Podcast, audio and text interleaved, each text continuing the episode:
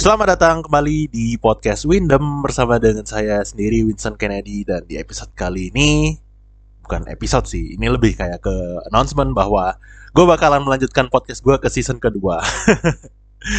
Dan gue pengen apresiasi apresiasi eh, apresiasi kepada kalian yang udah mendengarkan podcast gue di season pertama.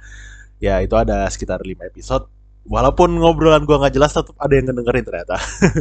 Dan tau nggak dengan kalian udah mendengarkan podcast gue, gue ternyata eh, mendapatkan suatu pengumuman juga dari salah satu platform podcast, platform audio lah. Itu ternyata gue udah di verified. Wih, kayak kalau misalnya lu di Instagram tuh udah kayak dapet centang biru gitu loh.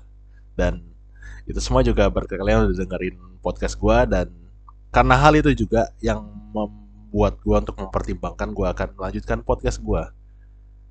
Ya, uh, ditunggu aja nanti di season 2 mungkin episode pertama bukan keluaran di minggu depan.